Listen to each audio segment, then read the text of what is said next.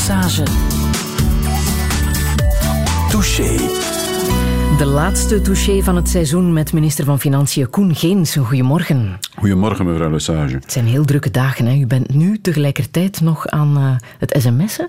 Nee, ik ben mijn gsm stil aan het zetten. ja, dat is goed. maar met de begrotingscontrole laten ze u ongetwijfeld niet met rust, denk ik. Zijn dit nu hoogdagen voor u? Um, nee, hè. Dit, uh, dit zijn dagen die erbij horen. Maar het zijn niet altijd de leukste. Het zijn lange dagen en um, bij wijlen uh, behoorlijk uh, moeilijke momenten, omdat uh, met zes partijen tot een akkoord komen over vrij lastige besparingen en bijkomende inkomsten. Dat, dat is niet altijd kattenpis, zou Jan Beekhuis zeggen. en het is uh, um, ook op geheime locaties hè, dat ze vergaderen. Ja, Wat vindt zeer, u daar zelf van? Zeer geheim. Wel, ik vind dat wel goed. Hè, dus ik ben daar uh, niet uh, erg voor ingenomen over. Maar ik vind het wel leuk dat we van dat in- en oud gedoe met de journalisten bevrijd zijn. Ja? Ja, en ik, ik vergader helemaal niet graag in de Lambermont. Ik weet niet of u dat gebouw kent. Ja. Dus binnenin best een, een mooie woning, maar daar is geen tuin aan. Er is alleen een klein koertje. Hè? Dat, uh, mocht het een gevangenis zijn, waarschijnlijk te klein zou geacht worden in verband met de mensenrechten. En uh, als je daar buiten gaat, naar het park, dan, dan zit je onmiddellijk met uh, de camera's. Dus je kan er zelfs niet in het park gaan wandelen, want dan denkt men dat je boos bent. Um, dus ik dus die vind die locaties, locaties die, die wel, wel leuk. En dat houdt het avontuur er ook in. En waar bent u zo al geweest? Oh, de, de laatste keer... Wat dat is geweest, dat mag u zeggen. Wat hè? geweest is, kan, kan ik vertellen. Hè. De laatste villa waar we geweest zijn en die ik uh, kan meedelen, was die van Defensie.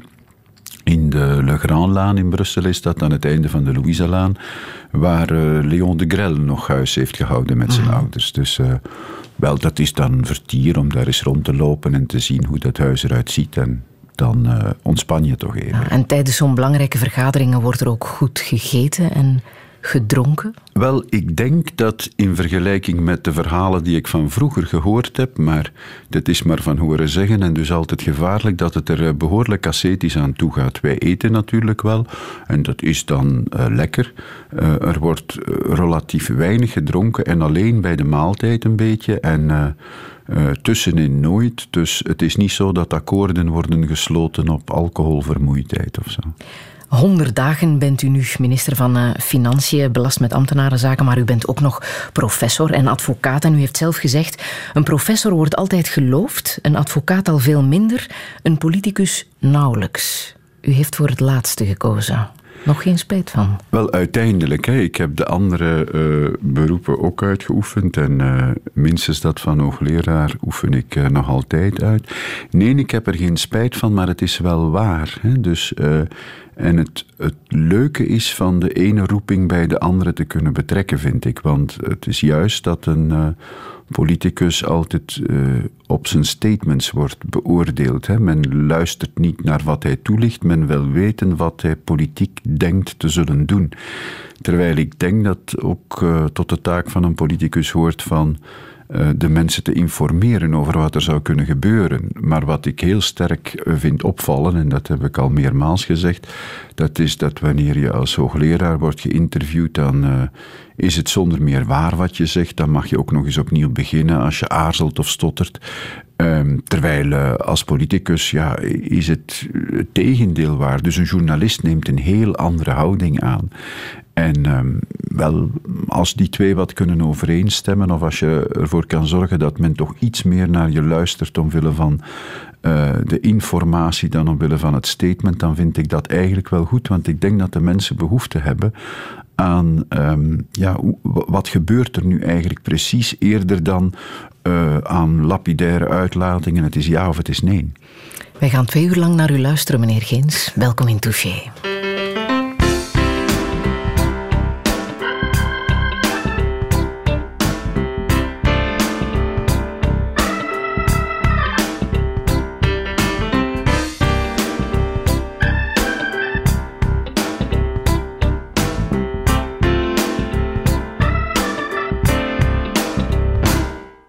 The city don't even matter.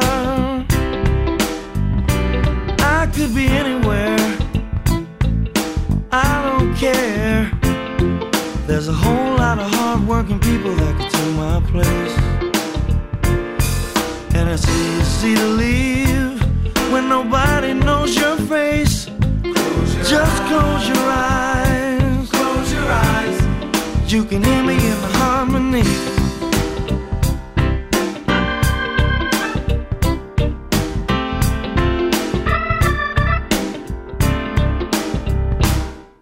Well, I came up to New Orleans, fixing what I could find to peace my mind. I gave what I had to the winners just to get along.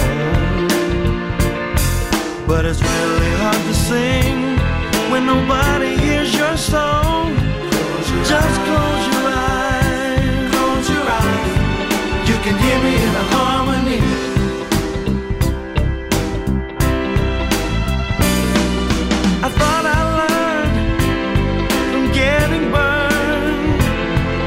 I bought a suit of armor and a silver cane.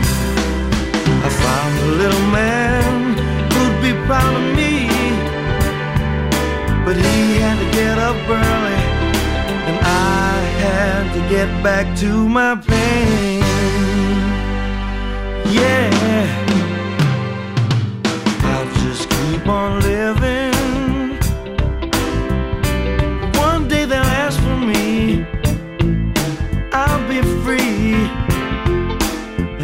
There's a heaven, I'll be ready for my life to begin. But I wonder if I call, if they're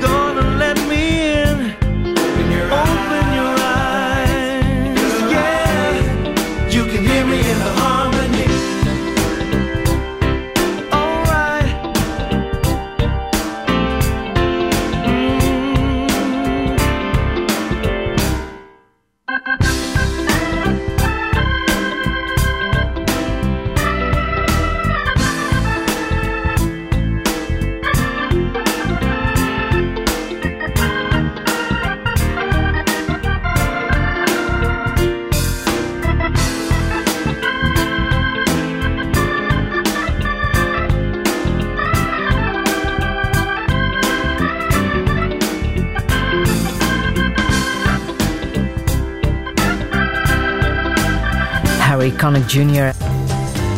Touché. Touché. Meneer Koen Geens, ik wil even met u terug naar dinsdag 5 maart van dit jaar. Steven van Akkeren kondigde aan dat hij eh, stopte als minister van Financiën naar aanleiding van het omstreden ACW-dossier. Hoe is toen de vraag aan u gesteld om eh, de taak over te nemen? Wel, ehm,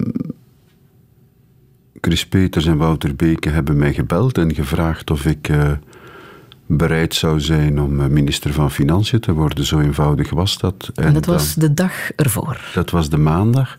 Ik heb dan college gegeven en na het college heb ik eh, Steven zelf opgebeld, want die wilde ook nog eens heel rustig eh, mij de vraag stellen en met mij praten.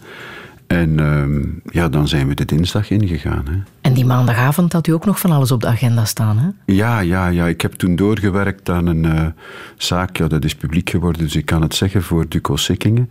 eh, waar we s'nachts van Telenet. van Telenet, waar we s'nachts om twee uur klaar waren. Dus ik had gelukkig niet veel tijd om na te denken. En ehm, dat, dat is best in zo'n omstandigheden. En u zat ook nog ergens eh, op de universiteit. eh, Ja, ik had, college, ik had college gegeven van, eh, van vier tot zes. Hè, dus het was, het was alles bij elkaar. En tussen de bedrijven door moest u over zo'n belangrijke vraag nadenken. Ja, ja, ja, dat was wel zo, ja. Maar die ja lag al op uw lippen? Wel, ehm, ik ben iemand die, wanneer het mij echt zint, nooit lang heeft nagedacht. En als ik lang moet nadenken, dan is het teken dat het fout gaat lopen. Ah. Daarna was er die sleuteloverdracht. Hè. We gaan eens luisteren.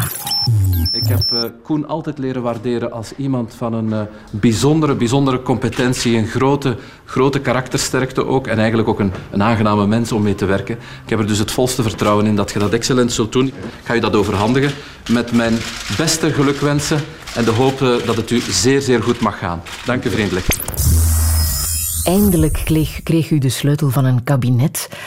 Maar klopt het dat dat eigenlijk al veel langer het plan was? Toch in ieder geval om u op een lijst te krijgen of om u in de politiek te krijgen?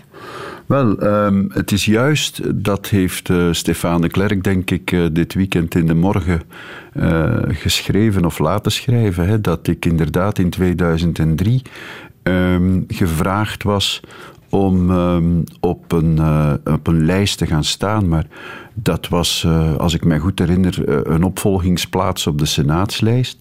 Um, ik heb daar toen ernstig over nagedacht, omdat ik die partij graag zie. Ik heb dat toen ook aan mijn vrienden in het kantoor en aan de universiteit voorgelegd. En uiteindelijk heeft dat, om allerlei redenen die er verder niet toe doen, dat, dat lag niet alleen bij mij, is dat er niet van gekomen toen, ja. Dan was er ook dat eerste interview in Ter Zaken, hè, als nieuwbakken minister. Ook eens luisteren. Koen Geens. Ik moet eigenlijk zeggen, meneer de minister, goeie avond. U bent de verrassing van de dag, hè? Wel, dat was niet de bedoeling deze morgen. Mm -hmm. Maar ik ben blij dat u mij de verrassing van de dag vindt. Wanneer bent u eigenlijk uh, op de hoogte gebracht of gevraagd? Wel, die uh, gesprekken zijn gisteravond uh, begonnen, mevrouw. U stapt in een harde stiel. Hoe kijkt u daar tegenaan? Met gemengde gevoelens, maar met een zeker enthousiasme. U spreekt, u spreekt zeer to the point, uh, meneer de minister. U moet misschien nog iets meer als een minister uh, gaan praten, mag ik dat zeggen? Um, ja, ik... Ik, zal, ik, zal, ik zal mijn best doen, mevrouw. Als u, als u mij dat wil leren, wil ik dat graag doen. Weet u ondertussen wat dat is, praten als een minister? Ja, in het Frans zegt men dat dat een soort langue de bois is. Hè. Dus uh, je, moet, je moet een aantal dingen stevast herhalen, zodat de boodschap er goed ingaat en je vooral niet gevat wordt met een boodschap die je niet wil brengen. Maar ik ben van zin om dat nooit te leren. Nee? Nee, nee. Nee, ik vind dat. Ik, ik, ik bedoel, ik heb altijd gesproken zoals ik gesproken heb. Dus ik uh, blijf zinnes om dat uh, nog altijd zo te doen. Uh, uiteraard moet je een beetje voorzichtig zijn uh, en je bewust zijn van je verantwoordelijkheid. Maar het heeft niet veel zin om uh, in een interview vijf keer hetzelfde te zeggen, zodat je zeker niks anders zou kunnen zeggen dan wat je wou zeggen. Wat zijn volgens u de eigenschappen van een goede minister?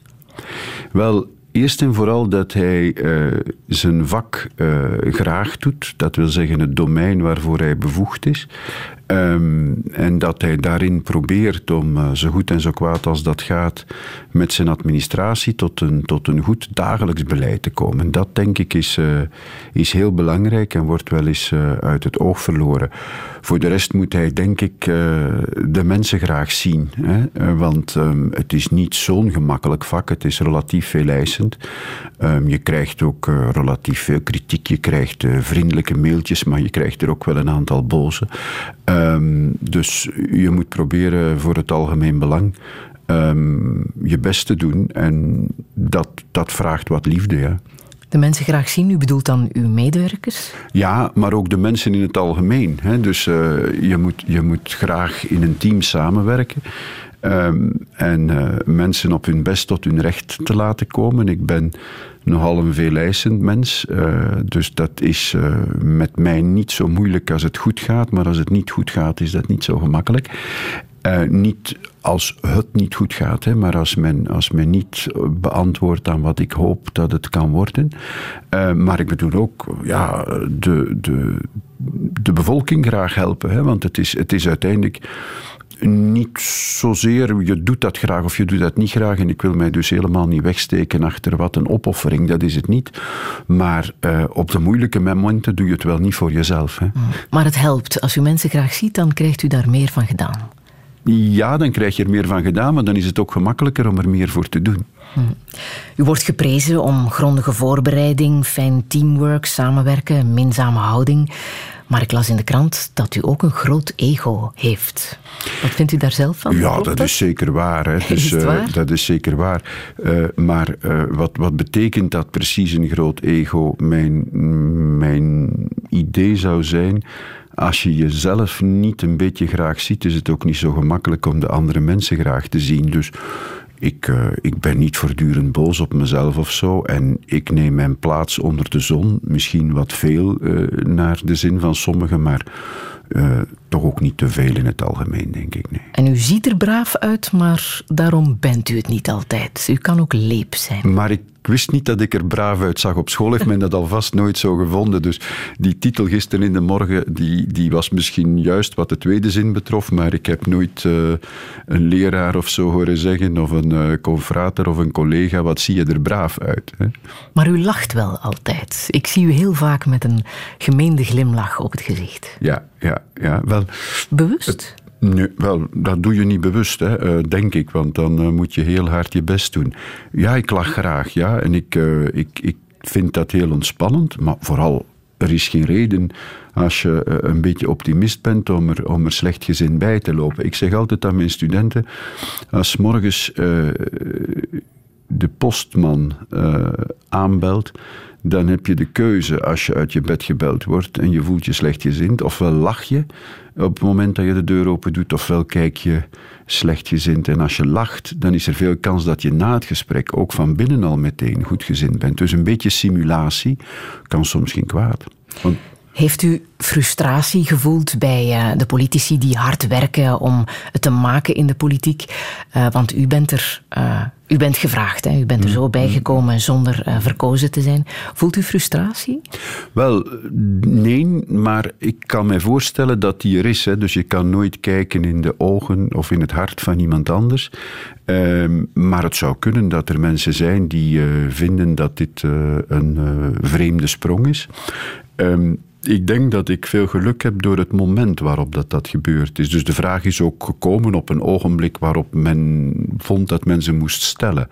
En dus vinden het aan, een aantal mensen dat, dat wel gerechtvaardigd. Maar ik denk dat dat in een partij die uh, het rustig zou gesteld hebben en die problemen niet zou gehad hebben, uh, veel minder evident zou geweest zijn. Wat vond u ervan dat ze u meteen de Mario Monti van uh, de Wetstraat noemde?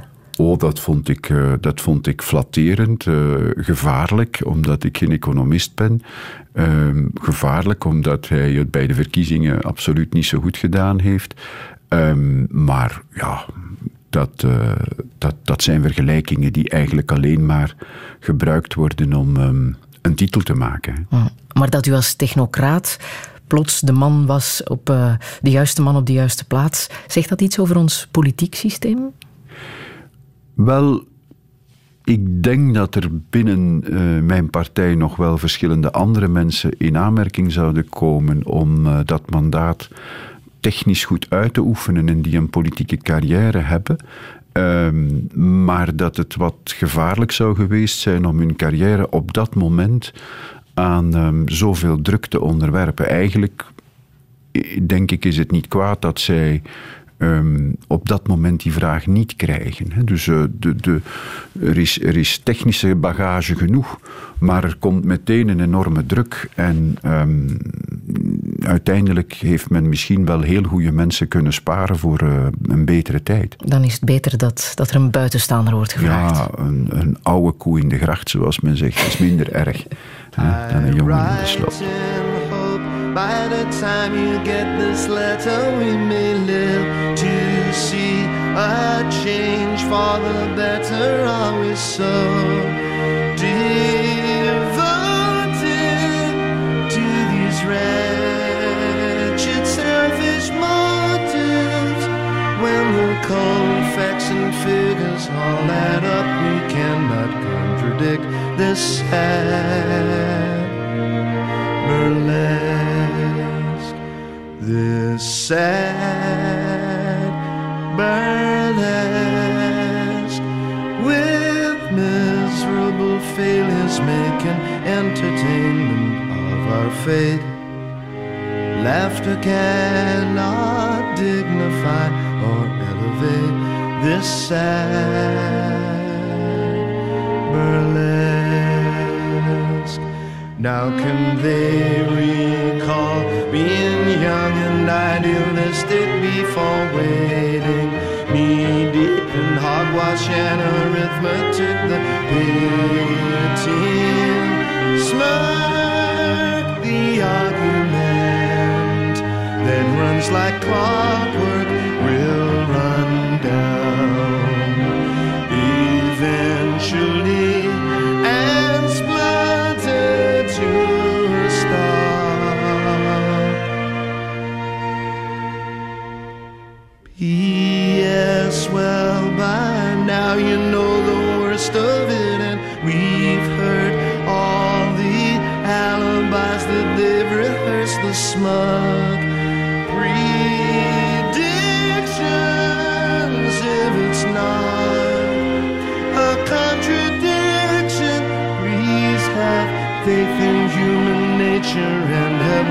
mercy on the creatures in this sad burlesque. This sad burlesque with miserable failures making entertainment of our fate. Laughter cannot dignify or elevate this sad burlesque. Elvis Costello en de Brodsky Quartet, een sad burlesque. Radio 1. Touché. Touché met Koen Geens, minister van Financiën. Wat voor u het moeilijkste was toen u honderd dagen geleden minister van Financiën werd, was het doorknippen met de band met uw, eh, van de band met uw advocatenkantoor Eubelius. Het grootste advocatenkantoor van uh, ons land, met 130 uh, medewerkers, dat u heeft opgericht bijna 20 jaar geleden. Waarom was het doorknippen van die band zo moeilijk? Wel, omdat natuurlijk je emotioneel heel sterk verbonden bent met uh, zo'n kantoor. En op het moment dat je de beslissing moet nemen om minister te worden, eigenlijk onmogelijk alle gevolgen daarvan kan overzien als het zo snel moet gaan. En um, in de loop van die eerste week is dan heel snel duidelijk geworden dat ik uh, helemaal uh, moest kappen. Ik had daar gewoon uh, nauwelijks over nagedacht. En dat kwam omdat toen ik kabinetchef was geworden van Chris Peters, dat een stuk makkelijker verlopen was. Toen was ik ook gestopt met mijn praktijk, maar ik was wel met het kantoor verbonden gebleven en de vergaderingen blijven voorzitten van de vennoten en zo. En dus die breuk die ik moest maken, die kwam wel even hard aan, omdat dat een heel emotioneel moment is. En uh, ik heb dan ook uh, ja, van uh, mijn vrienden en vernoten een paar heel toffe afscheidsvieringjes gehad. Zo, en dat, ja? dat heeft enorm veel plezier gedaan. En dat was ook een moment waarop ik dacht, ja, ik mocht loslaten. Men gunde het mij dus. Hè. Men was niet boos of zo. Men zei, ja, dat, dat had al lang kunnen gebeuren. Of dat, dat, dat wisten we wel dat je dat graag zou doen. Dus doe maar. Ah. En het is ook wel omdat u, zowat bij alle grote deals en onderhandelingen, betrokken bent geweest, hè, als, het, uh, als het erop aankwam. Ja, wel, dat, dat, is, uh, dat is een beetje zo geweest, maar dat, dat is niet de reden, denk ik, waarom ik uh, minister van Financiën geworden ben. Maar dat kantoor is wel voor een stuk door mijn enthousiasme en door het enthousiasme van vele vrienden uitgegroeid tot wat het is. Dus ja, dat, dat krijg je dan niet meer kapot met een van de ouderen die minister van Financiën wordt. Ze zijn dan allemaal heel fier en dat is het dan eigenlijk. Maar als een kantoor de naam heeft om geen enkele grote bedrijvendeal aan zich te laten voorbijgaan, wou u daar dan niet blijven? Wel, um, ik deed dat heel graag, maar ik doe dit ook heel graag. En dat is een beetje vervelend uh, aan mijn persoonlijkheid. Ik doe vele dingen graag en ik heb het moeilijk om te kiezen. En daarom heb ik ook zo dikwijls dingen tezelfde tijd gedaan. Uh, voor een stuk omdat ik heel veel moeite heb om te kiezen en denk, ja, laat het ons maar samen doen, misschien bevrucht dat elkaar wel. En dat is altijd gelukt tot nu. Hè.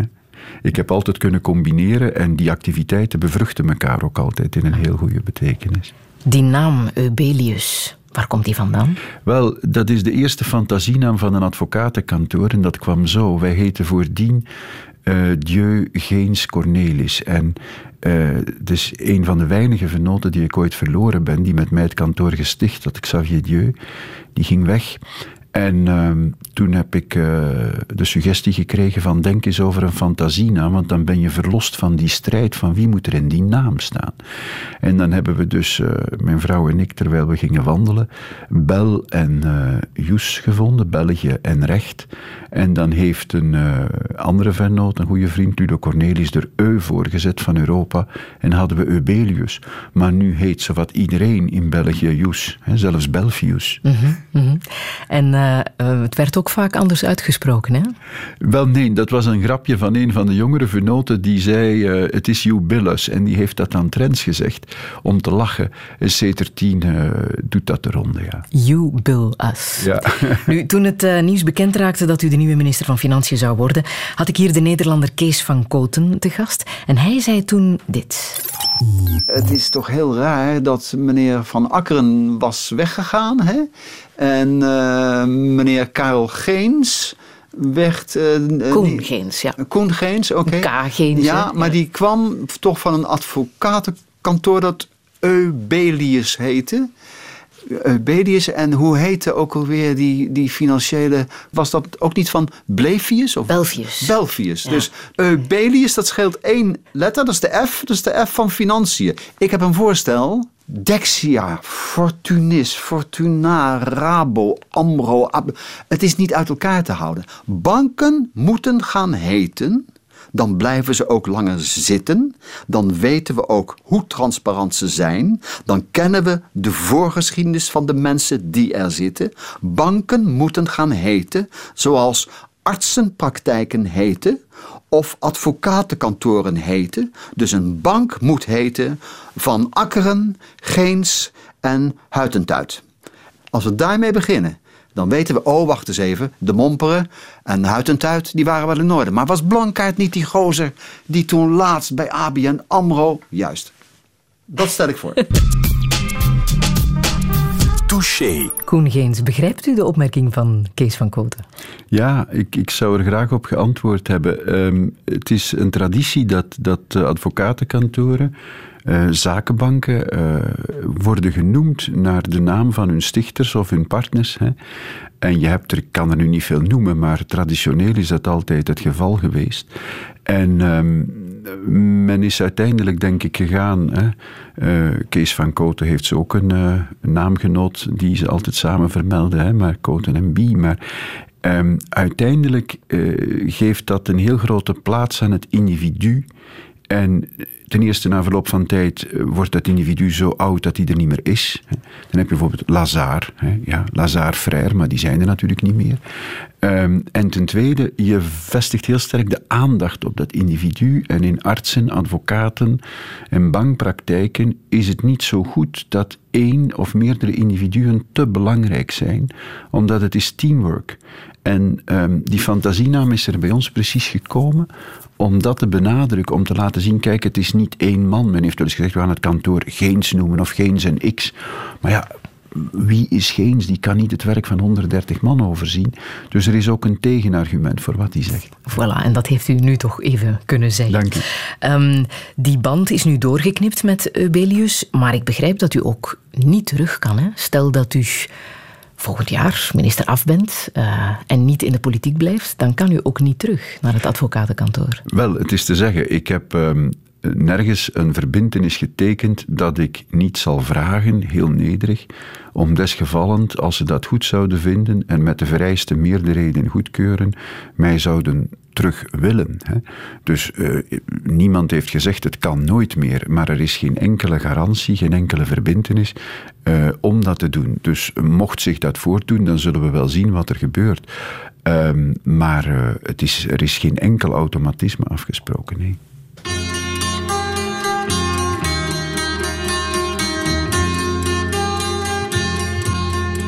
J'ai vu l'Orient dans son écrin avec la lune pour bannière et je comptais en un quatrain chanter au monde sa lumière.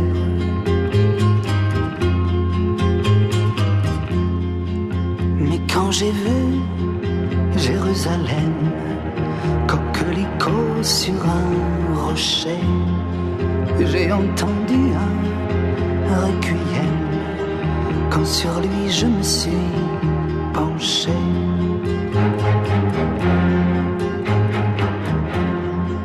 Ne vois-tu pas, humble chapelle, toi qui murmures paix sur la terre, que les oiseaux cachent de leurs ailes ces lettres de feu, danger, frontière. Le chemin mène à la fontaine, tu voudrais bien remplir ton seau. Arrête-toi, Marie-Madeleine.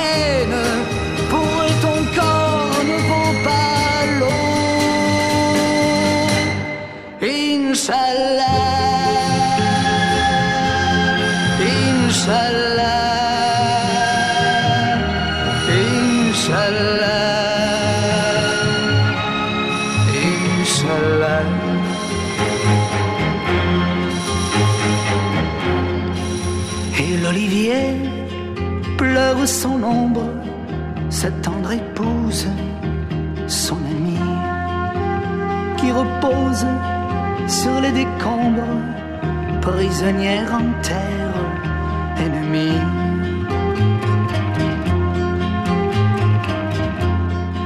Sur une épine de barbelé, le papillon guette. Les gens sont si cervelés qu'ils me répudieront si j'ose. Dieu de l'enfer ou Dieu du ciel, toi qui te trouves bon te semble sur cette terre d'Israël, il y a des enfants Inch'Allah, Inch'Allah, Inch'Allah, Inch'Allah.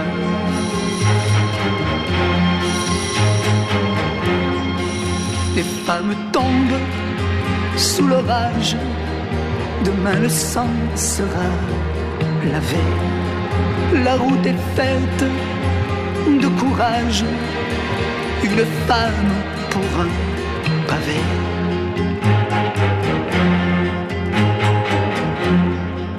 Mais oui, j'ai vu Jérusalem, coquelicot sur un rocher.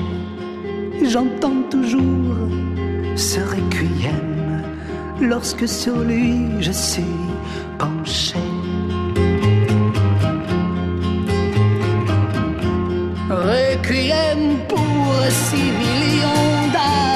aquí no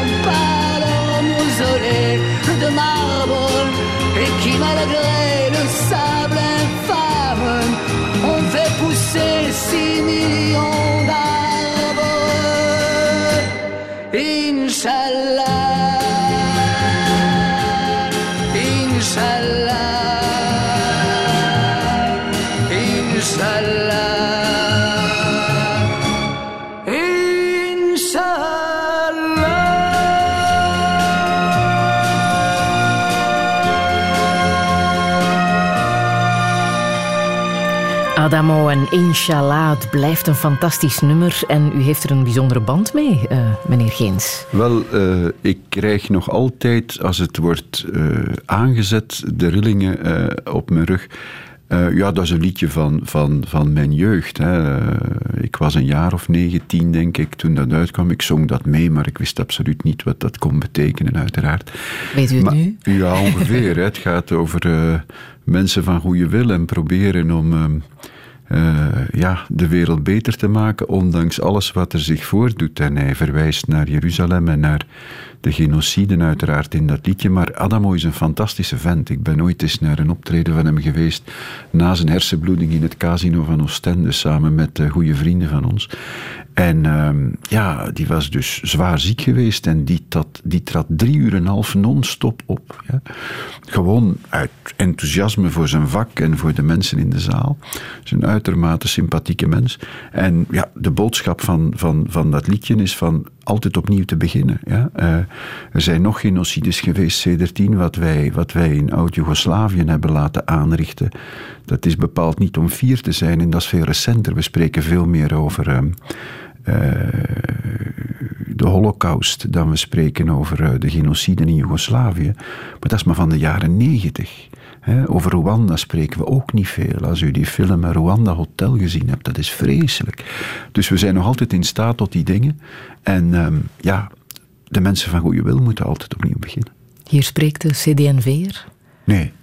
Nee, ik bedoel, ik denk dat dat een algemene ehm, humanistische eh, bedenking is, die ik niet eh, voor CDNV'ers zou willen monopoliseren. Ik denk dat ehm, uh, vooral mensen van, van, van christelijke signatuur soms moeite hebben om te begrijpen hoe de mensheid en de mens in staat is tot zo'n tot zo'n vreemde dingen.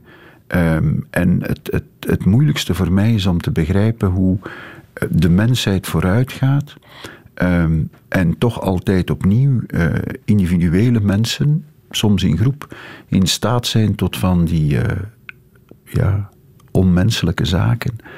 En um, ja, daar altijd opnieuw aan denken dat dat kan gebeuren. En ook altijd opnieuw de kracht vinden om opnieuw te beginnen, is eigenlijk uh, de uitdaging. Als je ziet hoeveel Joden uh, na de oorlog en hoeveel uh, Joegoslaviërs nu terug opnieuw leven. Het leven is altijd sterker dan de dood.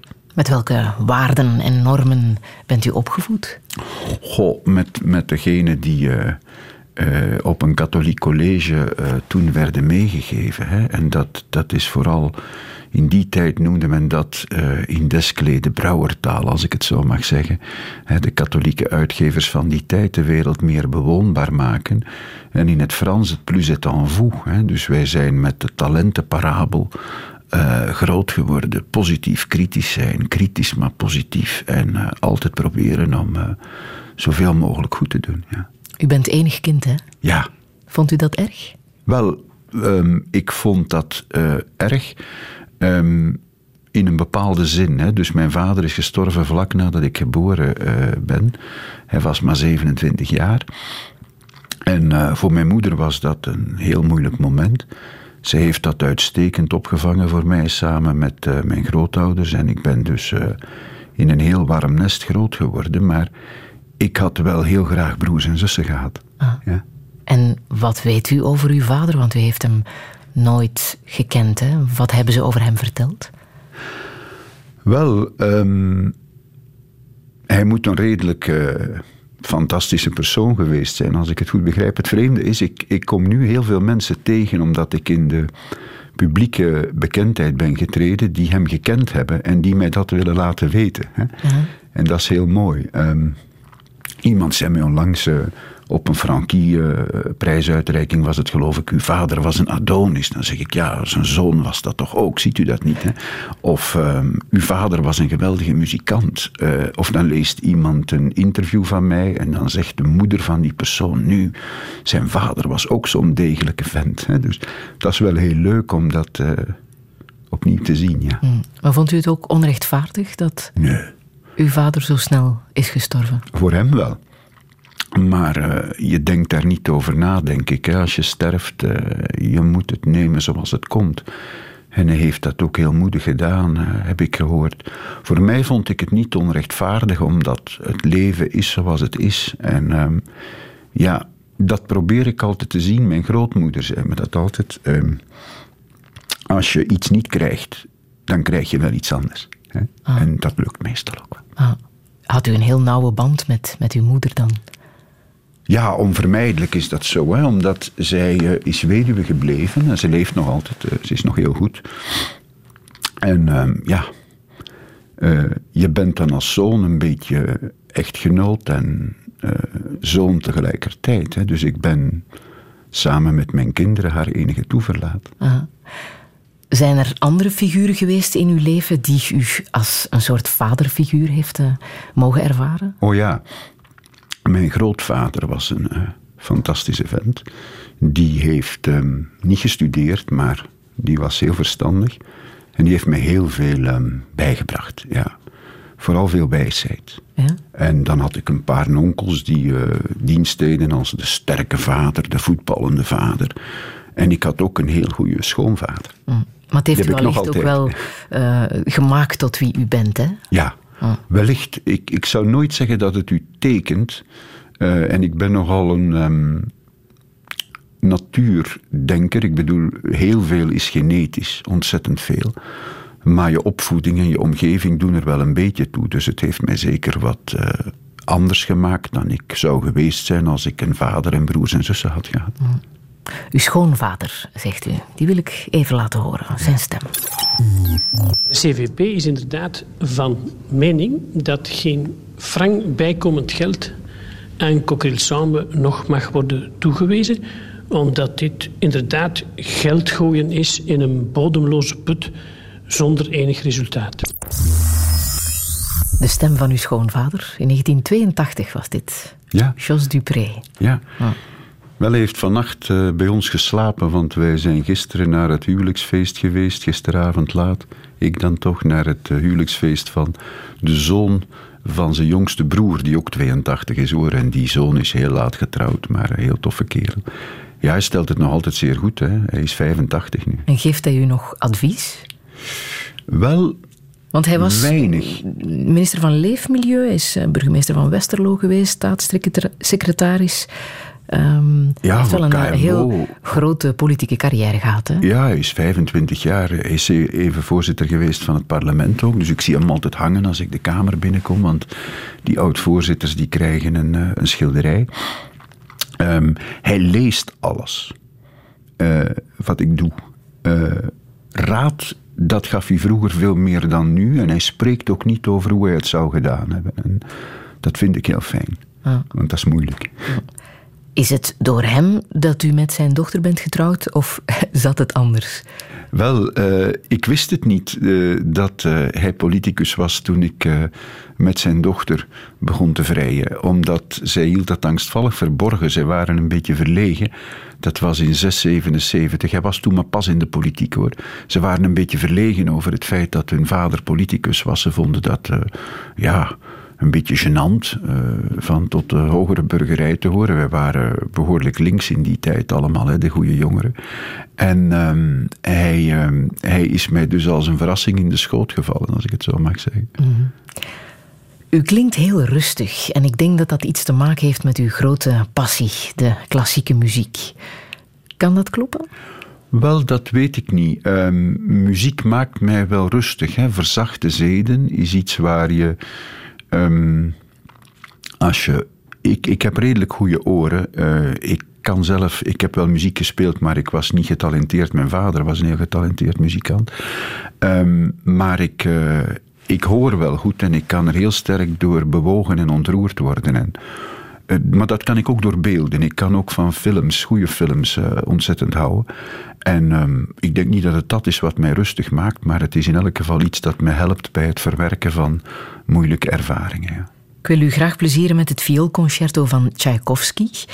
Maar het schijnt eh, het moeilijkste stuk dat ooit voor eh, viool is eh, geschreven. Ja.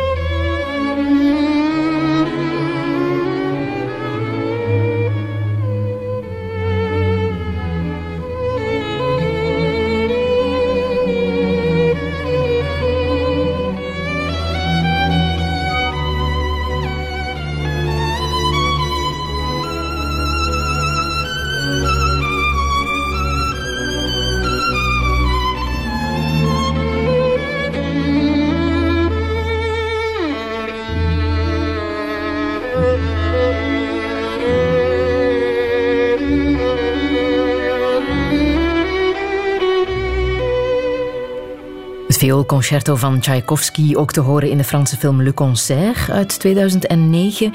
Een van uw favoriete films, hè, Koen Geens. Waarom precies? Wel, ik heb hem uh, cadeau gekregen van uh, mijn zoon en mijn schoondochter.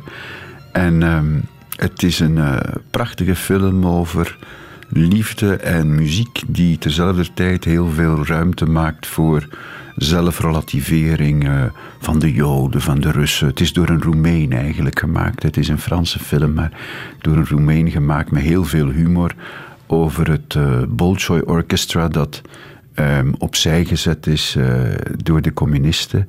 En um, onder het Brezhnev-regime nog. En dat 25 jaar later beslist om zo nog eens voor de grap um, in Parijs te gaan samenspelen. En um, ze hebben 25 jaar niet meer samengespeeld. En de bedoeling is eigenlijk van de dirigent, uh, de maestro, om um, een uh, dochter uh, van een jeugdliefde van hem, waarmee hij niet getrouwd was, en vooral een muzikale jeugdliefde, het was geen lichamelijke liefde, die ehm, in Siberië in het kamp was gebleven samen met haar man, om die ontvoerde dochter, die een geweldige violiste was geworden, zoals haar moeder. Om die uh, met hem te laten spelen. En dus dat eerste vioolconcerto van, uh, van Tchaikovsky te laten spelen. En dus zij ontdekt op die manier wie haar ouders waren in de loop van de film. Maar vooral het laatste stuk van de film gaat over.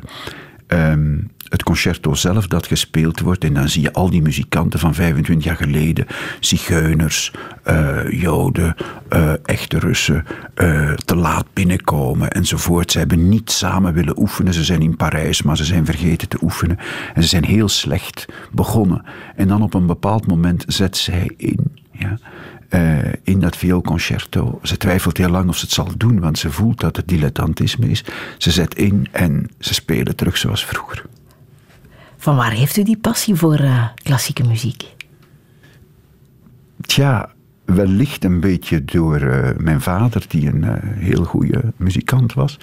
Wij hadden in um, het tweede leerjaar, nee, tweede middelbaar, de, de vijfde Latijn-Griekse, een muziekleraar die een heel groot orgelist was. En uh, die bracht ons uh, klassieke muziek bij. Mijn moeder kocht dan die platen. Ik beluisterde die opnieuw, zo heb ik veel geleerd. En dat was een heel open man. Hè, dus wij mochten daar ook, ik niet, maar een klasgenoot, mocht dan ook een heel uur vertellen over uh, Clearwater Revival. Ondertussen stak die man oorstopjes in, denk ik, omdat hij van die Fogerty's geen kaas gegeten had. Maar um, zo werden wij klassieke muziek bijgebracht door een man van bijna 65. En um, ja, daar die combinatie, ik speelde dan ook zelf wat piano, maar ik was geen goede muzikant, um, die heeft gemaakt dat ik daar uh, liefde voor bewaard heb. En met ouder te worden, worden alle muziekgenres uiteraard uh, verteerbaar. Hè. Dat is zo. Dus opera is nu iets waar ik heel graag naartoe ga. Mm -hmm. En ja, dat verzacht de zeden. Ja. En u wilt ook echt wel klassieke muziek tot bij de mensen brengen. Hè? Want u bent voorzitter van uh, Le Concert Olympique. En dat heeft echt wel als doel om de muziek bij de mensen te brengen? Ja, wel, dat is ook weer een lang verhaal eigenlijk. De dirigent daarvan is iemand die ik 25 jaar lang ken. Die heeft vroeger nog wel eens in Leuven een orkest gehad waar ik juridisch veel bij geholpen heb. Jan Kaiers. En die heeft dan zijn Beethoven-monografie geschreven. En toen is hij bij mij geweest en gezegd: Koen, ik wil terug een orkest leiden. En ja, dat hebben we dan geprobeerd en dat is behoorlijk gelukt. Mm -hmm. Rachmaninov, daar heeft u ook iets mee. Ja, dat is natuurlijk een romanticus. Hè. Dat is ongelooflijk uh, uh, krachtige, soms bijna gewelddadige muziek, maar ook heel uh, romantisch en bewogen.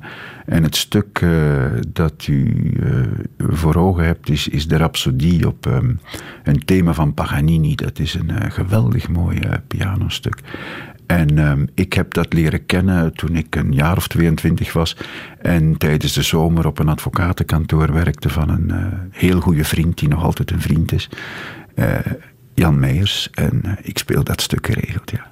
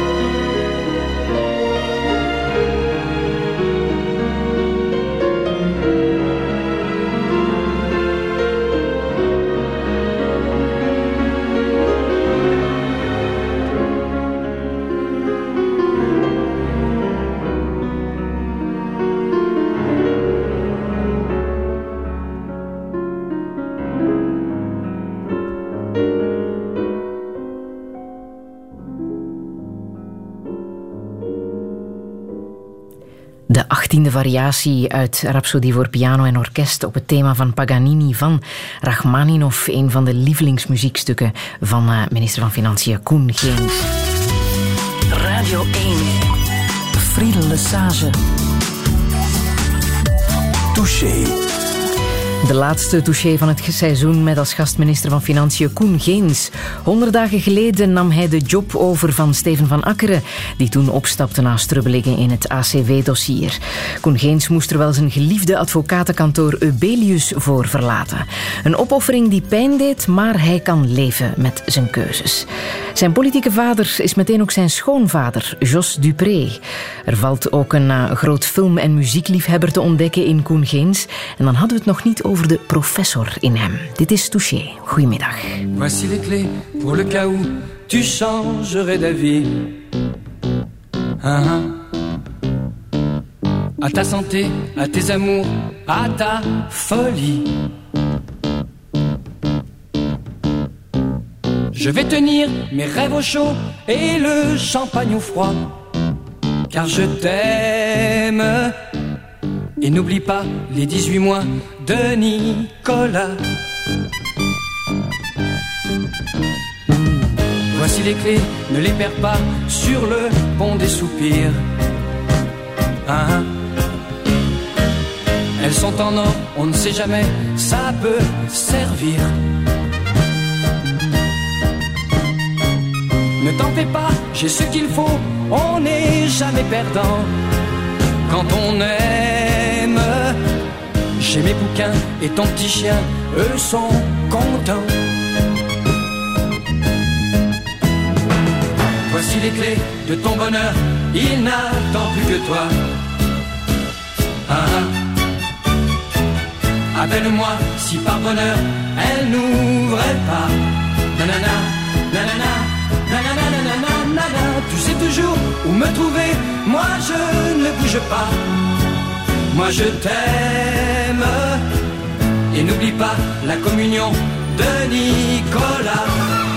Pas de chance, j'allais t'emmener en Italie en voyage d'amour. Chance, moi je t'aime aussi. Et depuis bien plus longtemps que lui.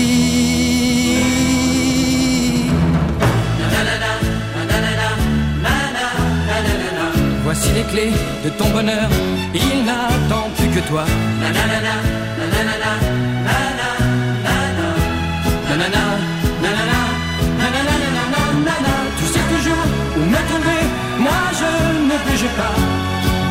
Moi je t'aime, et n'oublie pas l'anniversaire de Nicolas. Voici les clés pour le cas où tu changerais d'avis. Ah, ah. À ta santé, à tes amours, à ta folie. Nanana, nanana, nanana, nanana, nanana. Je vais tenir mes rêves au chaud et le champagne au froid. Car je t'aime. Et n'oublie pas l'anniversaire de Nicolas. Voici les clés, ne les perds pas sur le pont des soupirs. Ah, ah. Gérard Lenormand met zijn hit uit 1977, Voici les clés. En als ik u laat, uh, had laten gaan, dan had u meegezongen, denk ik, hè, meneer Geens? Ik zou mijn best gedaan hebben, ja. Het is een, het is een liedje dat ik uh, natuurlijk al heel lang ken, maar dat uh, onlangs opnieuw onder mijn aandacht is gebracht omdat uh, een professionele omgeving die ik verliet ervoor gekozen had om een tekst te schrijven voor mij, over, uh, voor mij op dat liedje, hè, op dat melodietje. En, Toen u wegging bij Ubelius. Ja, het was een heel mooie, een heel mooie tekst in het Frans. Um, waar ik zeer door uh, geroerd was, maar ik ben dan het originele liedje opnieuw gaan beluisteren en daarin staat een prachtige zin. Het gaat over hetzelfde. Het is een, het is een man die eh, verlaten wordt. En, en hier was het een kantoor dat verlaten werd, maar dat zei, ja, we nemen het je niet kwalijk. Hè. En uh, de mooie zin is, on n'est jamais perdant quand on aime. Ja, dat is een van de mooiste zinnen die er zijn. Hè. U bent uh, op dit moment een heel druk geconsulteerd man als uh, minister van Financiën, maar u bent ook nog altijd professor aan de KU Leuven. Hè? Ook daar zijn het spannende dagen, vooral dan voor de studenten. Uh, u geeft daar op dit moment nog Financieel recht, deontologie en een stukje van het basisvak uh, vennootschapsrecht. Ja, en dat zijn een drietal uren per, per week, week. Ja, gemiddeld. En er moeten nog examens afgenomen worden? Wel, uh, we zijn daar nu met de verbetering van bezig. Ja, de, de examens uh, zijn de voorbije week allemaal afgenomen. Ja. Schriftelijk of mondeling? Schriftelijk. Ik, doe dat, ik heb heel veel mondeling ondervraagd toen ik pas begon te doseren. Maar geleidelijk aan ben ik gaan zoeken naar, naar betere manieren om uh, studenten tot hun recht te, komen, uh, te laten komen. En ook voor mezelf oudere collega's en vooral studenten van 30, 40 jaar geleden hebben heel veel moeite met die nieuwe examenmethodes. Maar het mondeling ondervragen is volgens mij iets dat stilaan tot het verleden gaat behoren. Het is belangrijk dat studenten zich goed kunnen uitdrukken. En we moeten dus altijd naar manieren blijven zoeken om dat te laten doen. En het mondeling examen kan daar een manier voor zijn. Maar om precies uh, te antwoorden, om uh, praktisch op uh, cases, op praktische vraagstukken te kunnen antwoorden, wat ook in het recht heel belangrijk is, is de mondelinge formule toch niet altijd de beste. Zeker niet met de grote studentenaantallen van vandaag. De studenten hebben zo hun eigen voorkeuren. Uh, ik heb liever mondeling, want dan kun je je beter verdedigen bij de prof. Op een schriftelijk examen, je schrijft iets fout op. Fout is fout. Op een mondeling examen kan de prof zeggen van ah, corrigeer dat nog een beetje. Kun je daar dingen bij toevoegen. Liever mondeling examens, omdat ik ben dan meer op mijn gemak eigenlijk. Omdat je hebt interactie met de prof en, en dan geeft de prof meestal toch wel wat hints en tips om verder te kunnen evalueren in je antwoord. Ik persoonlijk, ik, zou, ik heb liever schriftelijke examens.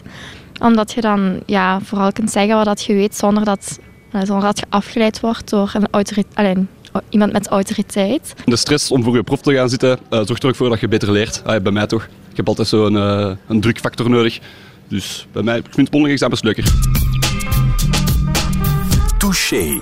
De jongens vinden mondeling examen uh, leuker en de meisjes die verkiezen toch uh, meer schriftelijk. Ja, zo eenduidig zal het niet zijn, maar er is in elk geval zo dat um, een mondeling examen iets meer kans geeft aan de zelfzekeren dan aan de minder zelfzekeren. En um, in een faculteit uh, als de mijne, de rechtenfaculteit, is zelfzekerheid natuurlijk niet onbelangrijk. Dus ik denk dat er wel een aantal rechtenstudenten tussen zaten. Ja. Er is inderdaad wel heel wat om te doen. Hè, omdat mondeling examen, verschillende universiteiten willen, er echt van af. Ook wel uit schrik voor uh, rechtszaken. Heeft u daar ooit problemen mee gehad? Nee, nog niet. Hè. Maar het is wel zo natuurlijk dat het... Uh, een nieuw gegeven is. Hè. Dus vroeger aanvaarden mensen punten vrij makkelijk. En dan kon je op een mondeling examen zeggen: ja, je hebt een negen. En dan vroeg men u waarom. En dan hoefde je daar zelfs geen toelichting bij te geven. En meestal werd die waarom-vraag uh, nooit gesteld. Terwijl men vandaag precies wil weten, ook op een schriftelijk examen, waarom men uh, een 14 heeft gekregen en geen 16. En dan moet je dat wel kunnen uitleggen en met de studenten overlopen. Dus het is, uh, de prof wordt veel meer geresponsabiliseerd dan vroeger. En dat is een beetje uh, beangstigend uh, met mondelinge examens, omdat je natuurlijk, als je zo vier of vijfhonderd studenten ziet op een zittijd, en dat zou voor mij een minimum zijn, als ik de vakken mondeling ondervroeg, ja, dan, dan is het heel moeilijk om je precies te herinneren. Dus dan moet je heel de tijd noteren. En dan kan je je heel weinig uh, onaandachtzaamheid uh, veroorloven. En wie zou nu ook een proces willen beginnen tegen een advocaat? Wel, er zou een behoorlijke kans zijn dat men dat wint, denk ik. Hè. Maar uh, ik, ik ben er tot nu toe niet het voorwerp van geweest. Maar het is wel zo dat het inkijken van de examens altijd een confrontatie is met jezelf. Omdat je je punten moet kunnen verantwoorden. En ah. zeg, ja, het is om die reden dat je niet geslaagd bent. Heeft u nog tips voor de studenten die nu zitten te blokken?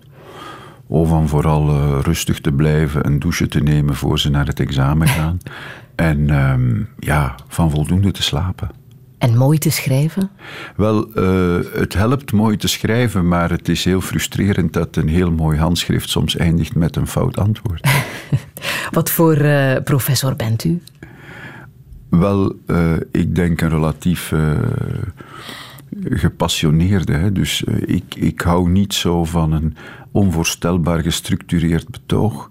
Eh, ik denk dat dat voor de jongere studenten soms wat verwarrend werkt. Dit jaar hebben we de cursus van het basisvak helemaal herwerkt. Dat is nu opnieuw een heel nette en, en uh, gestructureerde cursus.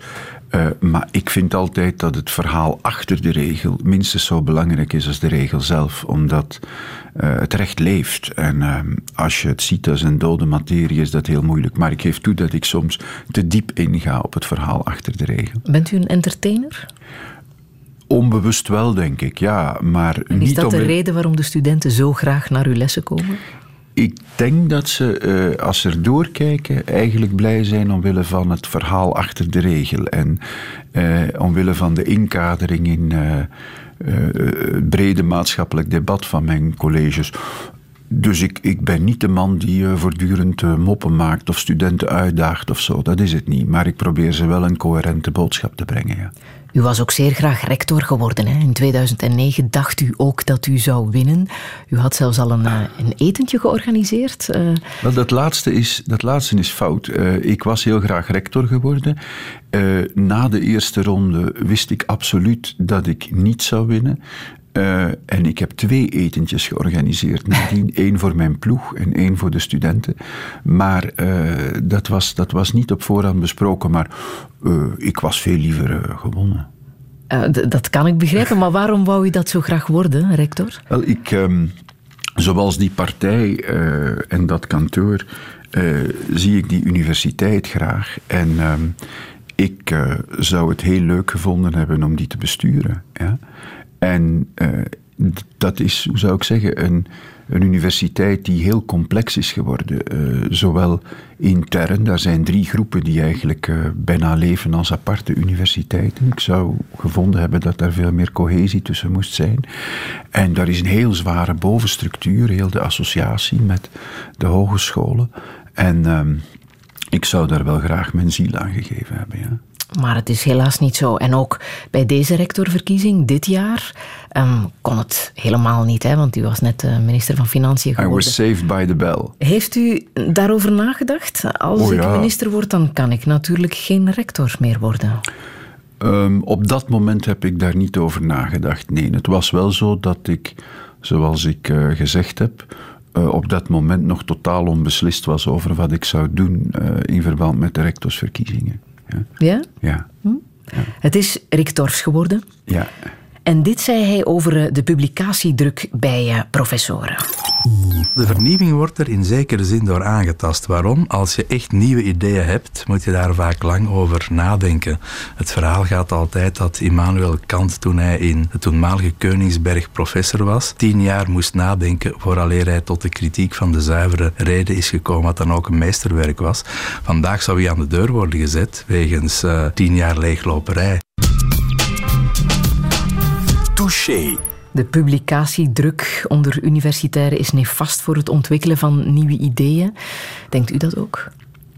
Oh, ik denk dat het antwoord genuanceerd is. Hè. Het is zo dat er vroeger wel eens collega's waren die wat men noemt grafofobie hadden.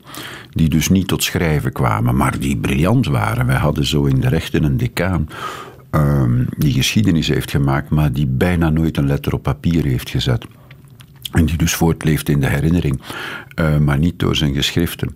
Um, omgekeerd zijn er mensen die zichzelf eindeloos herhalen en die uh, met twee pennen tegelijk schrijven, links en rechts, en die uh, stukken uit artikelen hergebruiken in andere artikelen enzovoort. Um, dus ik, ik, denk dat het een goede zaak is dat een prof tot een gezond aantal publicaties lichtjes wordt geforceerd, dat hij niet inslaapt, wat wel eens voorkwam. Um, vandaag ligt het accent er heel sterk op, ten nadele van het onderwijs soms. En dat is, uh, dat is jammer, omdat uh, voor, de, voor de betere wetenschappers. Um, en dat is zeker zo in de exacte en de biomedische. Um, wordt het stilaan bon ton om te zeggen: ja, moet ik ook nog lesgeven? Dat heb je heel sterk in de Anglo-Saxische wereld. En dat vind ik jammer, want het is precies dat goed onderzoek dat in het onderwijs tot zijn recht moet komen. Hè. U heeft gekozen om rechten te studeren. Waarom eigenlijk? Wel, um, Dat was een heel moeilijke keuze, omdat ik eh, twee ouders had die Germanist waren. En ik had zelf ook heel graag uh, talen en literatuur gestudeerd. Uh, ik was daar ook niet zo slecht in. En um, uiteindelijk uh, heb ik een heel moeilijke zomer gehad voor het eerste jaar. En gezegd, ja, ik ga toch iets doen waardoor ik in de samenleving uitgerust ben om ook verantwoordelijkheid te dragen. en rechten leek mij daarvoor een, een betere kaart. Ik had ook een schooldirecteur die mij zei, ja als jij uh, in het onderwijs gaat, het gewone onderwijs, wat het lot was van een Germanist of een klassicus of een romanist destijds, dan zet je de school toch op zijn kop. Uh, dus uh, doe maar rechten uiteindelijk. Ik moet elke morgen het staatsblad lezen. Europa is de toekomst, dat zei hij toen in 1975. Ehm, je, moet, eh, je moet die richting uit. En ik heb geluisterd. U was zelfs zo goed dat u in Amerika de Harvard Law School kon uh, volgen, want daar wordt u niet zomaar binnengelaten. Hè? Nee, maar je moet dat ook niet overdrijven. Hè. Dus uh, als, je, als je in België goede resultaten haalt uh, en je krijgt uh, een aantal mooie aanbevelingen van vooraanstaande professoren, ehm, dan laat men je op gezag van je Belgische resultaten en je Belgische professoren toe. Het is niet zo dat ik een toegangsexamen of zo heb moeten afleggen voor Harvard.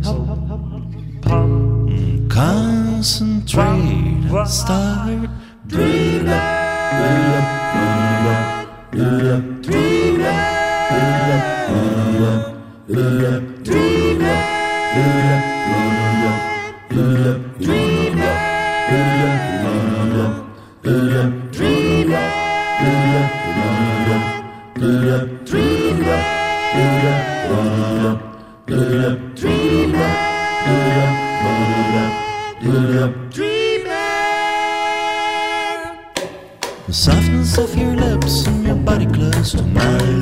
When I close these eyes, I can really stop time. I see your graceful face before me. When I close my eyes, oh, when I close my eyes, revel lost the splendor of your thighs. Oh, the splendor of your thighs. I know it's all make believe, but I really don't give a damn. So if you see me dreaming, just try to understand that no matter, no matter.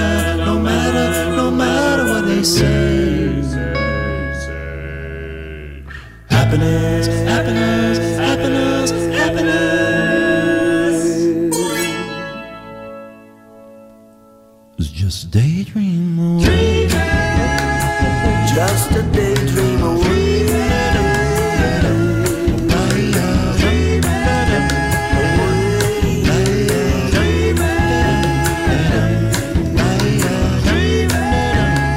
Pasmans Dreamin', de groep van Rudy Trouvé, genoemd naar een personage uit de boeken van Elschot, Pasmans. En Elschot, daar bent u fan van, hè? Ja, dat, dat is zo. Daar, daar zijn vele redenen voor, maar natuurlijk in de eerste plaats uh, zijn, uh, zijn boeken zelf, omdat die um, van een uh, bijzondere genialiteit en, en spaarzaamheid getuigen. Elschot heeft eigenlijk in zijn leven ehm, niet meer dan duizend bladzijden vuil gemaakt. Eh, en elke keer was dat een grote inspanning om zich uit zijn uh, professioneel leven te bevrijden en uh, daar tijd voor te maken. Bijvoorbeeld in Chip beschrijft hij van ik ga het toch nog eens proberen en dan laat hij zien hoe hij de drie eerste bladzijden schrijft en schrapt. Dat is een geniaal stuk. Um, ten tweede, uh, het, is een, het is duidelijk geen, uh, geen heel katholieke man. Het is ook geen um, heel uh, boodschaphebende man. Um, en toch in die twee boeken, Chip en de Leeuwentemmer, klinkt zoveel warmte door. voor zijn dochter, die uit de handen van een Pool probeert te bevrijden zonder van die Pool ook maar één keer iets verkeerd te zeggen. Um, en die kleinzoon uh, Jan Manjewski terug uh, naar België te krijgen.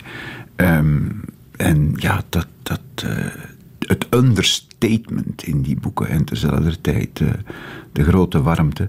Um, en de, de, het mededogen met de menselijke ziel eigenlijk en met de menselijke beperktheden. Dat is prachtig. Ten slotte, het is een Antwerpenaar, zoals ik. Uh, maar het is er één die uh, ook vandaag nog een ongelooflijk uh, knap, zuiver Nederlands schrijft. En hij had dus in Parijs gewoond, in Amsterdam gewoond. Het was, geen, het was geen bekrompen Vlaming. Het was iemand die de wereld kende. En voor die tijd zeker, maar nu nog is dat, is dat zeldzaam, maar voor die tijd hoogst uitzonderlijk. Zijn boeken ook een vlucht uit de realiteit voor u? Ja, voor een stuk, maar uh, toch vooral interessant als het een confrontatie is met de realiteit. Ik, uh, ik hou niet uh, enorm van de Amerikaanse thrillers en de, de, de modernste literatuur, omdat die voor een stuk mijn leefwereld niet is. Waar ik geweldig van hou is van de de literatuur uh, van, van het uh, Oostenrijk-Hongarije, als ik het zo mag zeggen. Uh, bijvoorbeeld de autobiografie van, van Stefan Zweig, daar heb ik ontzettend veel deugd van gehad. En ook van de boeken van Marai, van Sander Marai. Omdat die komen uit een zeer tolerante maatschappij waar zoals in het Spanje van de, van de 15e eeuw eigenlijk, Toledo, Granada, waar de verschillende culturen en ook altijd weer het Jodendom, het Christendom en uh, de islam voor een stuk elkaar op een kruispunt vinden. En gedurende een aantal honderden jaren verloopt dat zo uitstekend dat daar cultuur van overblijft waar je niet goed van wordt. En de mensen die dat dan overleefd hebben, maar die zien dat dat een einde komt, zoals Marai en Zweig. Die hebben zo'n heimwee naar die tijd. Wat raadt u de, de, de mensen aan als eh, minister van Financiën om hun geld op een spaarboekje te zetten of om hun geld uh, uit te geven aan boeken? Oh, um, uh, zeker vandaag zou ik zeggen: geef je geld uit aan boeken, want dat spaarboekje, daar verdien je niet veel aan. En um, ja, dat, je wordt er veel beter van. Je wordt er rijker van. Ja, ja. En, en dus er staat zoveel wijsheid in, in veel van die boeken, niet in allemaal. Hè. Maar uh, bijvoorbeeld Marai heeft geweldige dingen over het leven geschreven, heeft ook die, die aanpak om altijd opnieuw hetzelfde verhaal vanuit drie of vier personen te beschrijven. Ja. Uh -huh. En dan pas zie je, uh, ja, je moet dat eens meemaken om te weten hoe het is om in de plaats van iemand anders te treden. En, en te zien hoe hetzelfde verhaal uh, door drie mensen totaal verschillend vertaald en beleefd wordt. Er is dus in die zin uh, tussen mensen, en dat zal ook wel in de politiek zo zijn, geen waarheid. Hè. Ik kan mij voorstellen dat mensen nu zeggen: ja, ja, mijn geld geven aan uh, boeken, maar ik wil toch wel iets doen met mijn spaarcent. Welk advies geeft u dan persoonlijk? Wel, um, dat hangt ervan af uh, hoeveel uh, geld men heeft en uh, hoezeer men van risico houdt. Hè. Um, dat laatste is heel belangrijk, denk ik. en als je van risico houdt, dan denk ik dat je je geld ook wel in, in aandelen kan beleggen en dat dat soms meer zal opleveren dan het op een spaarboekje te zetten. Maar als je niet van risico houdt en niet te veel spaarcenten hebt om je veel capsones te kunnen veroorloven, dan zijn uh, kasbons of uh, spaarboekjes die van de depositogarantie genieten um, zeker een heel uh, goede manier om te beleggen. Wat doet u zelf? Oh, uh, dat, dat is vooral uh, mijn echtgenote die daarmee bezig is. Maar um, ik heb het geld uh, dat ik heb gegeven aan mensen die men vermogensbeheerder geeft, noemt. En ik kijk daar nooit naar. Er zijn ook mensen die geen spaarcenten hebben natuurlijk. Hè. Dat hebben we helaas moeten zien in de aflevering van Panorama afgelopen donderdag. Toen het ging over kinderarmoede. 1 op de 10 uh, kinderen in Vlaanderen leeft in absolute armoede. Als ik terug naar school ga, de eerste dag, dan begint iedereen te praten over... ik ben naar Italië geweest, ik ben naar Duitsland geweest, ik ben naar Brazilië geweest. Ja, mm, ik moet dan zeggen, ik ben gaan zwemmen en zo. Rijken die zijn, die zijn altijd chic gekleed en armen niet. En jij dan? Ik kan niet. Touché.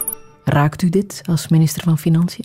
Ja, um, ik, uh, ik moet onmiddellijk terugdenken aan mijn eigen klas uh, toen ik um, in uh, de lagere school zat. Daar waren ook een paar kinderen die duidelijk een lagere levensstandaard genoten dan, dan wij. En dat zag je. En die worden gemakkelijk uitgesloten, hoewel er niks mee mis is. Hè. Dus armoede is een vorm van exclusie, zoals dat heet. Um, het is natuurlijk een heel relatief begrip. Hè. Dus uh, een van de kinderen zei net: Ik ben gaan zwemmen.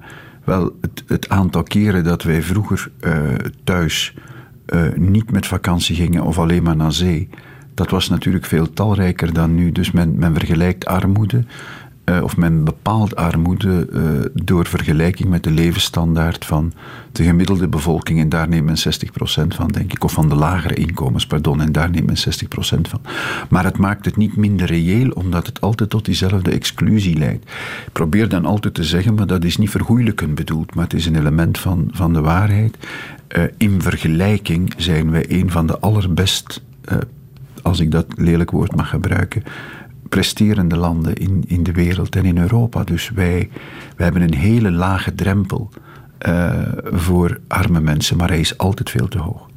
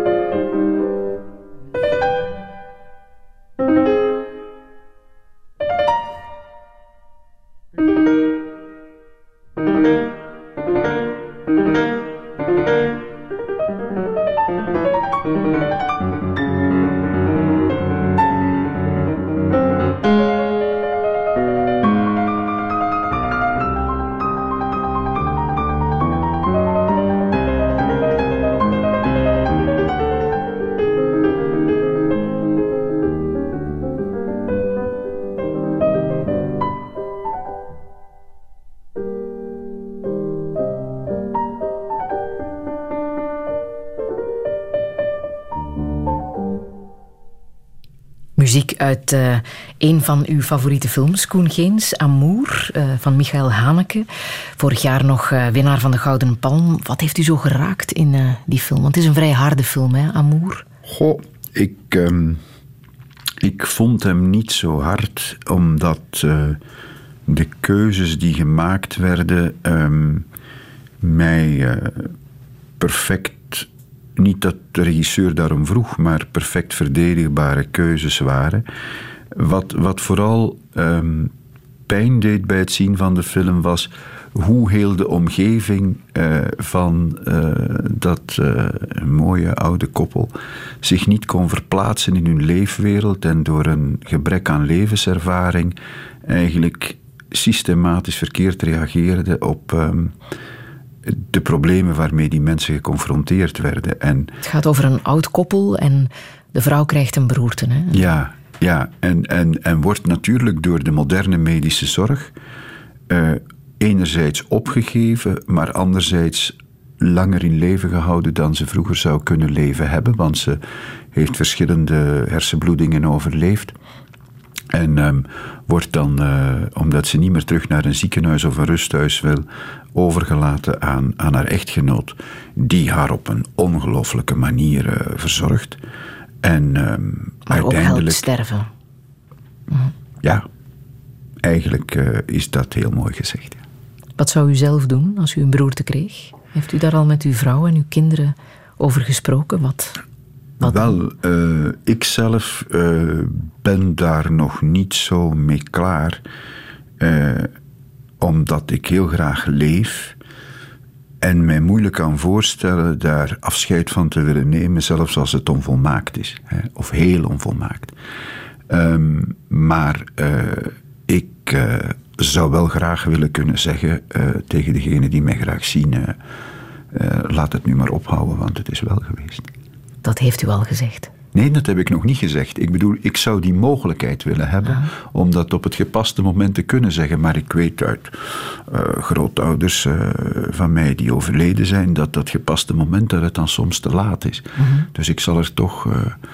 Uh, mijn vrouw maand mij daar herhaaldelijk toe aan en is daar veel proactiever in dan ik.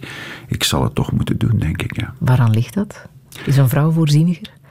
Ja, zij is daar veel meer mee geconfronteerd ook dan ik. Hè, uh, omdat zij voor een stuk uh, met palliatieve zorg en zo bezig is. dus dat, dat brengt met zich dat zij daar waarschijnlijk ernstiger over nadenkt. Maar dus ook haar natuur. Ja. En uw kinderen? Heeft u daar ook gesprekken over met, met uw kinderen? Nee, dat heb ik nog niet gehad. Uh, ze hebben, ze hebben um, omdat ja, ik ben door mijn grootouders opgevoed, dus ze hebben heel wat meegemaakt op dat stuk waar kinderen eigenlijk uh, normaal gezien niet mee moeten bezig zijn. Dus ik heb hen daar nog niet mee lastiggevallen. -huh. Volgen zij uw spoor? Wel, uh, ik weet het niet. Um, er is geen van de drie kinderen die, die rechten gestudeerd heeft. Um, maar uh, mijn zoon die zit wel op een kabinet. Mijn tweede dochter is verkozen voor de vakbond op dit moment, denk ik. Die is sociaal assistent. En de zoon is een historicus, de dochter sociaal assistent. En de andere is een ingenieur-architect. Die is mijn vrouw achterna gegaan, ja. Bent u een goede vader? Vindt u van uzelf? Denk het niet, nee. Nee? Nee, ik denk het niet. Ik ben een heel afwezige vader, denk ik. Ja. Ja? ja, ja. En heeft u daar spijt van? Wel, ik denk niet dat ik anders kan. Ik ben een uh, onvoorwaardelijk liefhebbende vader. Mm, dat is ook belangrijk. Hoop ik. Ja. Vriendschap is ook heel erg belangrijk, hè? Bij ja. U. Wel, um, omdat ik denk dat het niet mogelijk is om uh, grote dingen te doen met het... Uh, uh, klein verstand en het kleine vermogen dat we hebben, zonder daarin door vrienden geholpen te worden. Dus um, ik, ik, zoek altijd naar die vriendschap in mijn professionele omgeving en je vindt die ook altijd. Bij u lukt het wel, maar ik denk dat het niet zo evident is onder politici om daar vrienden te vinden of in het zakenleven, de advocatuur. Het is toch, het zijn harde werelden, hè?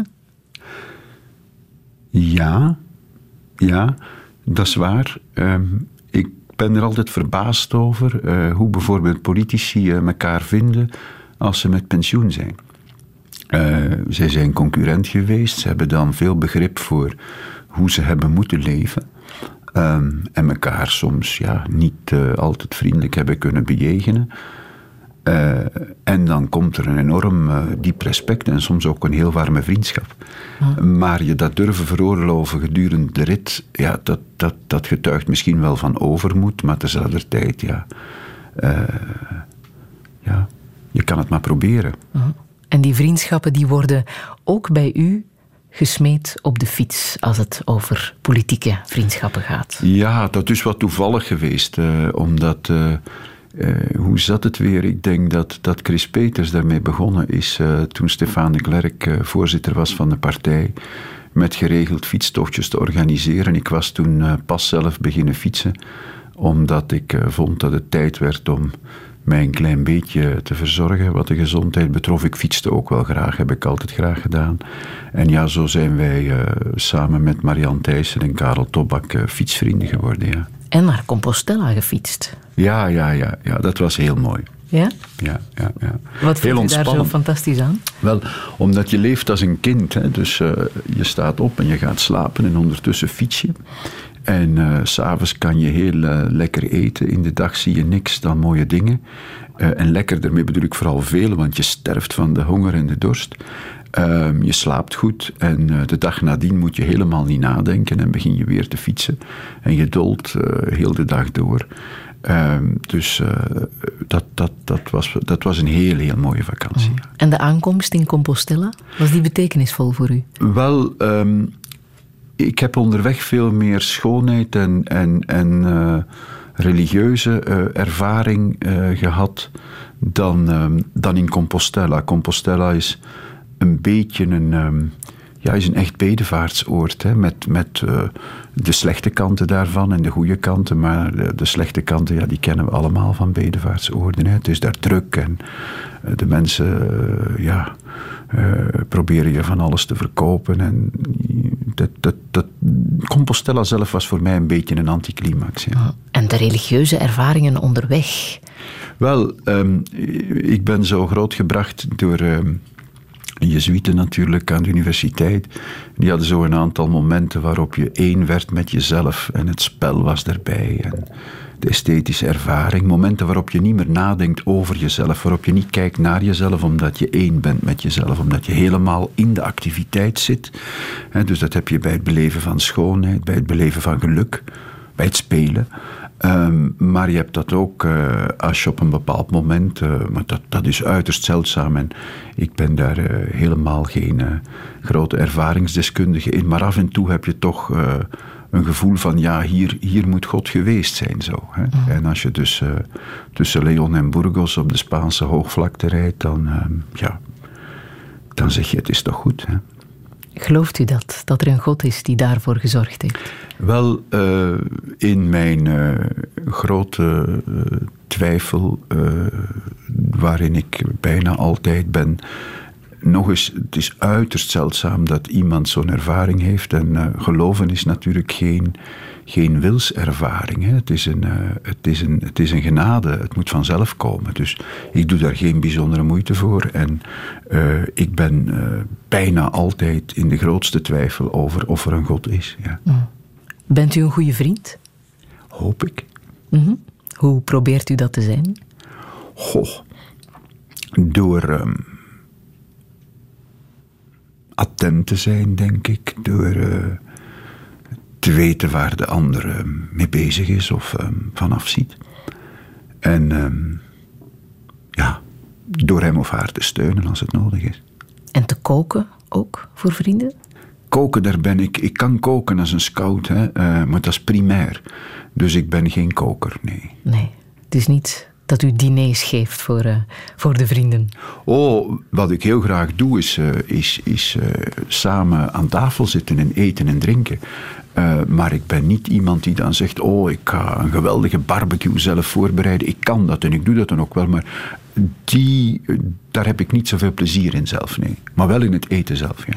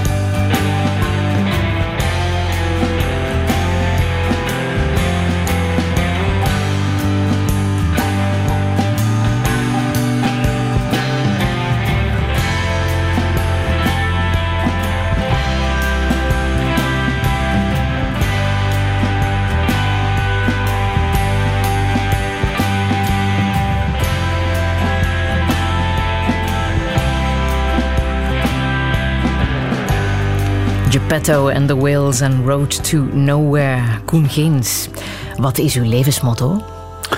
Wel, ehm, ik eh, had een eh, voorganger in ehm, het vennootschapsrecht die ik ben opgevolgd aan de universiteit. En eh, die had een prachtige spreuk van Willem van Oranje die ik graag tot de mijne heb gemaakt.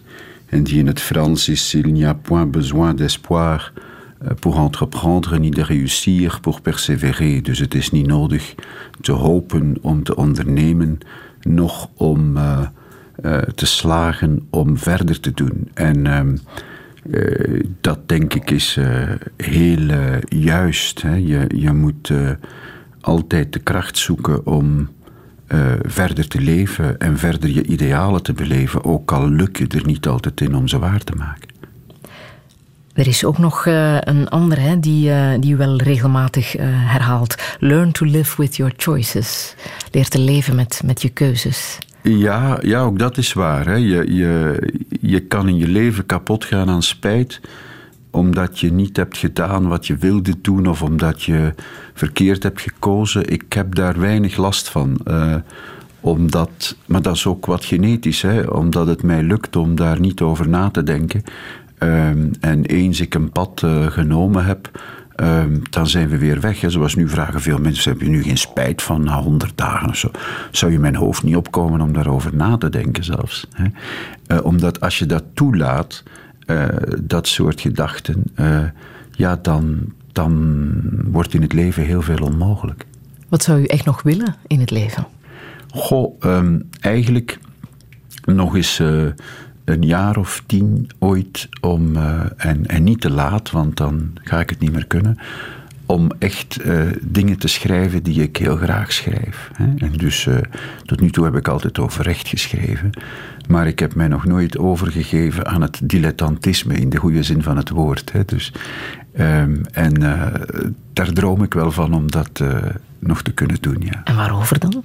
Wel over het leven, over de maatschappij, over de toekomst. Uh, dus uh, dan zou ik ontzettend veel fictie en non-fictie lezen.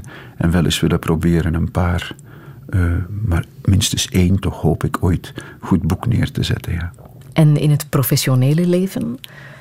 Oh, wel, daar heb ik eigenlijk geen bijzondere uh, ambitie meer dan datgene wat ik nu doe zo goed mogelijk te doen. Hè. Um, en ik heb begrepen toen ik deze job aannam dat het geen zin heeft om um, daarin over morgen na te denken. Want morgen kan het gedaan zijn. Hè. Maar u denkt toch wel al na over volgend jaar, hè? de grote verkiezingen? Wel, strategisch, uh, als je lid bent van een partij, een minister voor die partij, moet je daarover nadenken, anders zou je verkeerd bezig zijn. Maar dat heeft niet zoveel met mij te maken, dat heeft te maken met, ja, hoe pakken we dat nu zo goed mogelijk aan? Maar wat zou u willen volgend jaar? Uh, volgend jaar zou ik willen dat uh, de CD&V een schitterende overwinning behaalt. In de voor uzelf? Voor mezelf, van daarbij zo goed mogelijk van dienst te kunnen zijn. Ja? Dus dat is een ploeg, hè? het is een voetbalploeg. En of men mij nu uh, links midden of uh, rechts buiten zet. Uh, men ziet het maar, ik zal mijn uiterste best doen om daar goed te spelen. Ja, schuilt er ook niet een echte topman in u?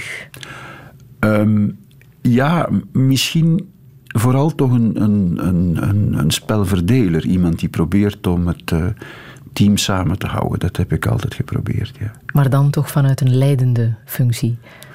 Ja, ja, in het kantoor zijn men een libero, zo ja. Ja. ja. Als ze echt nog voorbij komen, ja, dan moeten we ze tegenhouden. Dus ze zijn nog niet van u af?